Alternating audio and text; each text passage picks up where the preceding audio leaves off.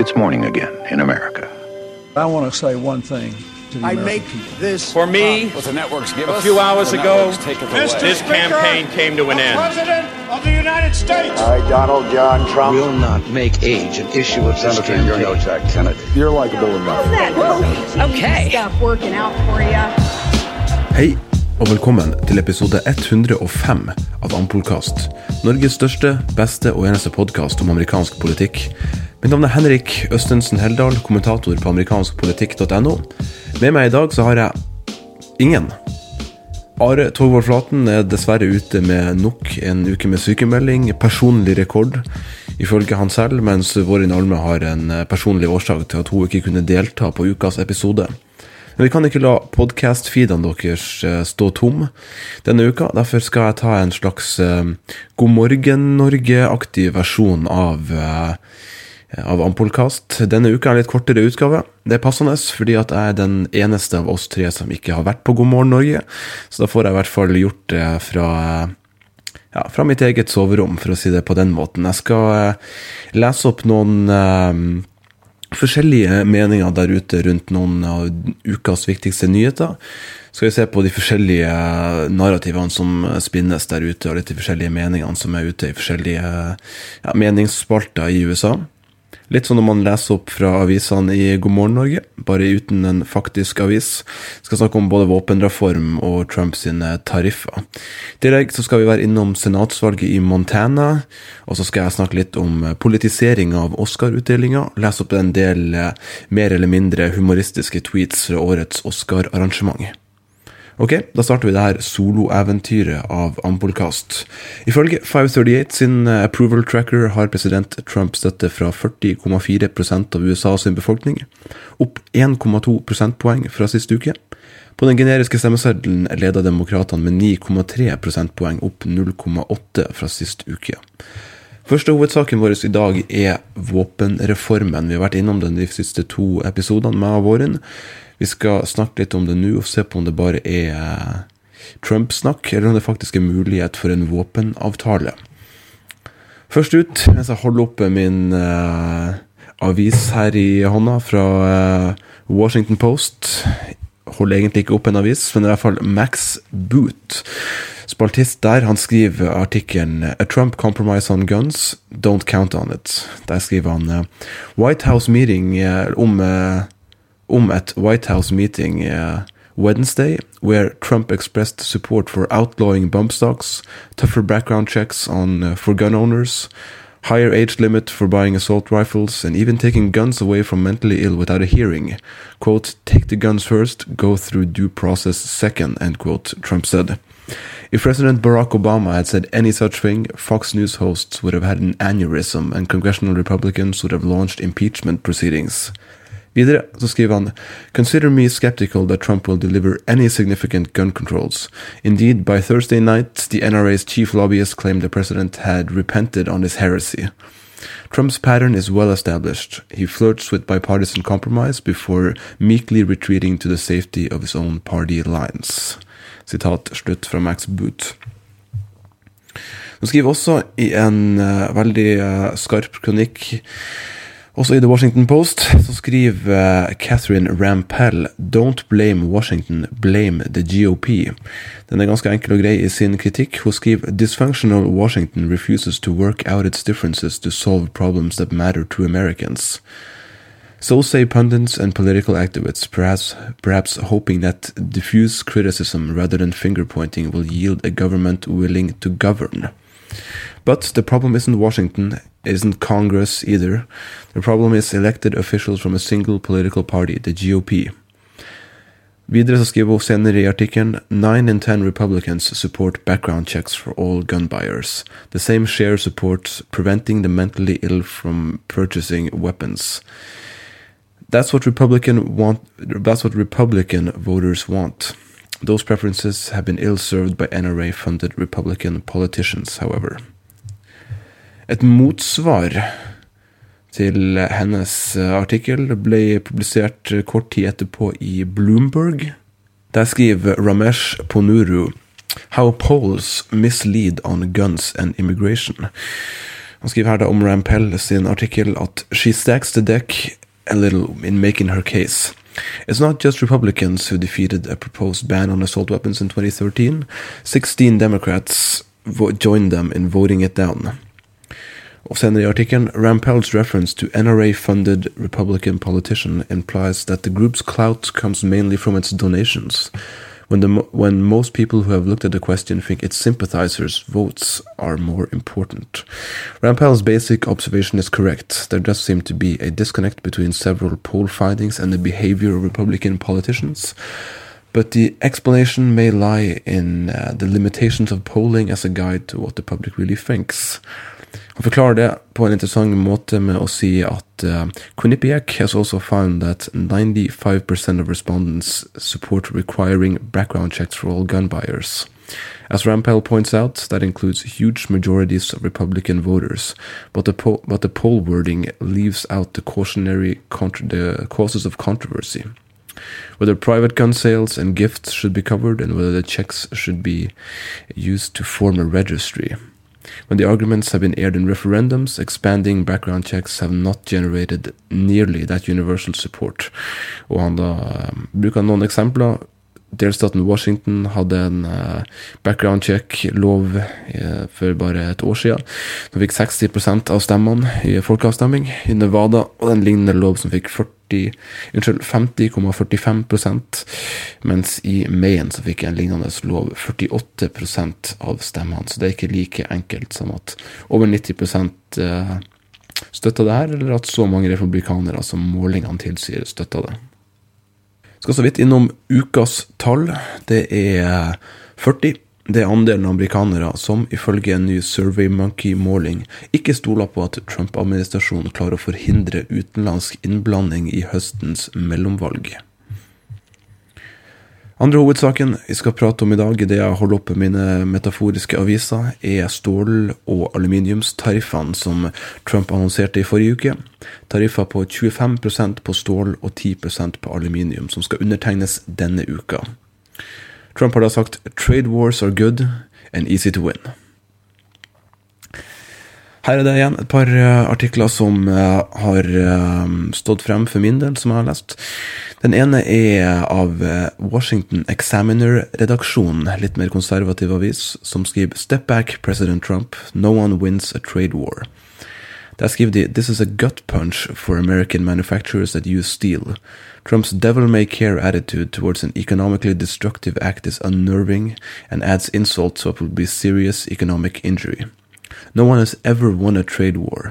When nations raise tariffs and barriers against each other's production under the misguided notions that exports are good and imports are bad, there are only losers.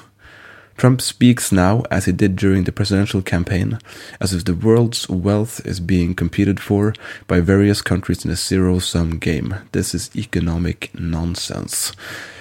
Mest positive artikkelen jeg kunne finne i det som viste seg å være en veldig vanskelig øvelse, å prøve å finne en positiv uh, artikkel om uh, tariffer i frihandelsverden, var en um, artikkel med overskrifta 'Don't worry about Trumps tariffs' av Josh Bivens i The New York Times.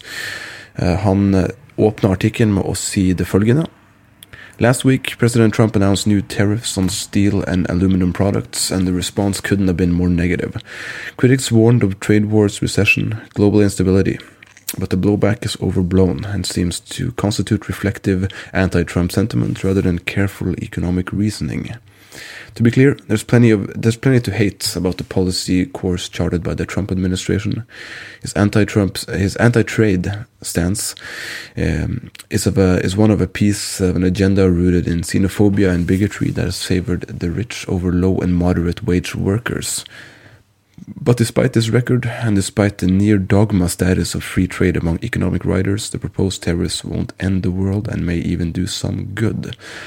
Da sier han videre at um, det kun her er snakk om en midlertidig lettelse for spesifikke industrielle sektorer, stål og aluminium, og at USA har gjort det her tidligere uten at det har gått galt. I tillegg så sier han at statlige subsidier har gjort utenlandske selskaper innenfor de her markedene immun mot de vanlige markedskreftene som ville gjort mange av dem konkurs eller tvunget de til å nedskalere. Trumps nye tariffer kan da være en motvekt mot det, og dermed gjøre amerikanske selskaper mer konkurransedyktige inntil man finner en mer langsiktig løsning.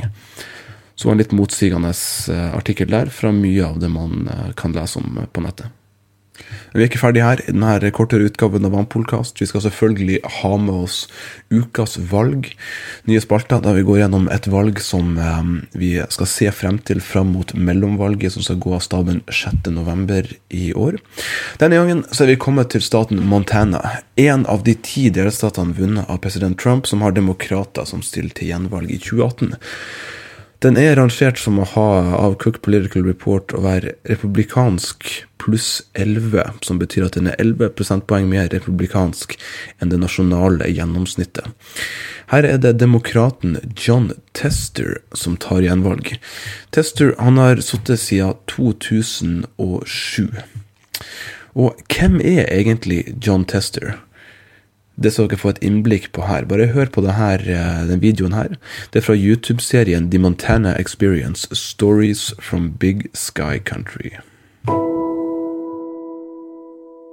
My grandfather and mother homesteaded this place around 1912. They started into patent in 1915. And uh, uh, so it's been in the family. It's the third generation, and hopefully there'll be a generation or two past us or more.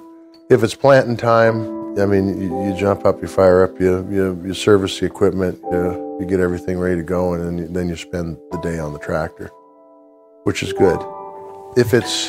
John Tester, som man ser for seg en politiker fra konservative, lille delstaten Montana, ser ut. Han har maskinkort hår. Han har en eh, frodig mage. Han har eh, mista tre fingre i en arbeidsulykke. Han er en skikkelig uh, mannemann uh, ute på gården sin, og han har uh, nådd frem i den politisk konservative delstaten Montana selv som demokrat. Der han er kjent som en moderat stemme, samarbeidsvillig med den andre sida. Som man selvfølgelig må være hvis man skal være en demokrat som skal kunne overleve på delstatsbasis i en sånn stat. Han blir utfordra av uh, to andre internt for den demokratiske nominasjonen. Det er eh, Sarah Dean, en forretningskvinne, og en forfatter ved navn Greg Strandberg. Ingen grunn til å tro at Tester skal få det vanskelig i primærvalget mot dem. I det republikanske primærvalget er det flere som stiller, bl.a. forretningsmann Trey Downing, delstatsrevisor Matt Rosendale, som vi skal prate litt mer om etterpå, delstatssenator Al Olsevsky, Tidligere dommer i Yellowstone County, mann med det flotte navnet Russell Fagg, og forretningsmann Ron Murray. Akkurat nå så er det Rosendale som leder på målingene for det republikanske primærvalget. Han som da er delstatsrevisor, som også er en, et valgt embed på delstatsnivå. Der er det sånn at um, primærvalget går av staben uh, eh, 5.6. Så etter det så vet vi om Eh, Tester vinner renominasjonen, og eventuelt hvem som eh, blir hans utfordrer. Akkurat nå så er det selvfølgelig en debatt også i Montana, og det vanlige politiske spillet foregår der. Den stolte lokalavisa Great Falls Tribune skrev nylig følgende i en artikkel. Sitat Brooke Bainham, spokeswoman for the Montana Democratic Party, said Rosendale is a wealthy real estate developer from Maryland whose only accountability is to out of state special interest groups. He doesn't share Montana's values. Sitat slutt. Vi har hørt om New York values, nå har vi også Montana values. Eh, Montana er jo eh, delstaten, hvis dere husker tilbake til 2017, eh, der Greg Gianforte ble valgt til Representantenes hus. Fra den, det ene setet som Montana har i Representantenes hus, som dekker hele delstaten. Han som slo ned en britisk journalist. Og det kan vi egentlig se på litt som en del av grunnen til at jeg tror at han er god favoritt til å vinne her, eh, John Tester, det er at nettopp det setet i Representantenes hus måtte fylles i fjor. Det var det fordi at Ryan Sinky, som nå er um, Trumps innenriksminister, ble invitert til å ta det, det embetet og da forlate sin posisjon som fra Representantenes hus. Hvis ikke så ville han garantert stilt uh, var spekulert i å gjøre det mot John Tester og ville vært en veldig um, sterk motstander. Akkurat nå så tyder det på at Tester ikke får så veldig sterk motstand. Jeg syns det er svak motstand, i hvert fall. Eh, det er tydelig at man tror at uh, Rosendale blir motstanderen deres, når man ser på måten de angriper ham på i media. Uh, det er kun uh, altså det er kun to stykker her som er valgt tidligere.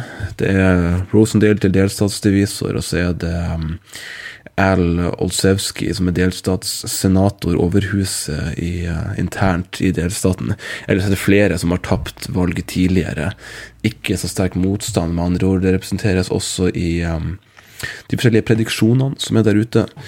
Eh, Cook Political Report har det som uh, sannsynlig, eller likely, som de, uh, deres rangering, at demokratene vinner her i 2018, mens Sabato sin Crystal Ball og Rothenberg Political Report har henholdsvis Lean og Tilt demokratisk, som er deres jevneste, men fordel demokratiske rangeringer. Amerikanskpolitikk.no sin Jon Henrik Gilhus har foreløpig rangert det som svakt demokratisk, og jeg sier meg enig i det. Før vi avslutter episoden, så skal vi gå gjennom spalta 'Dette er ikke normalt'. Vi skal snakke om eh, den høyst politiserte Oscar-utdelinga som foregikk natt til mandag norsk tid denne uka.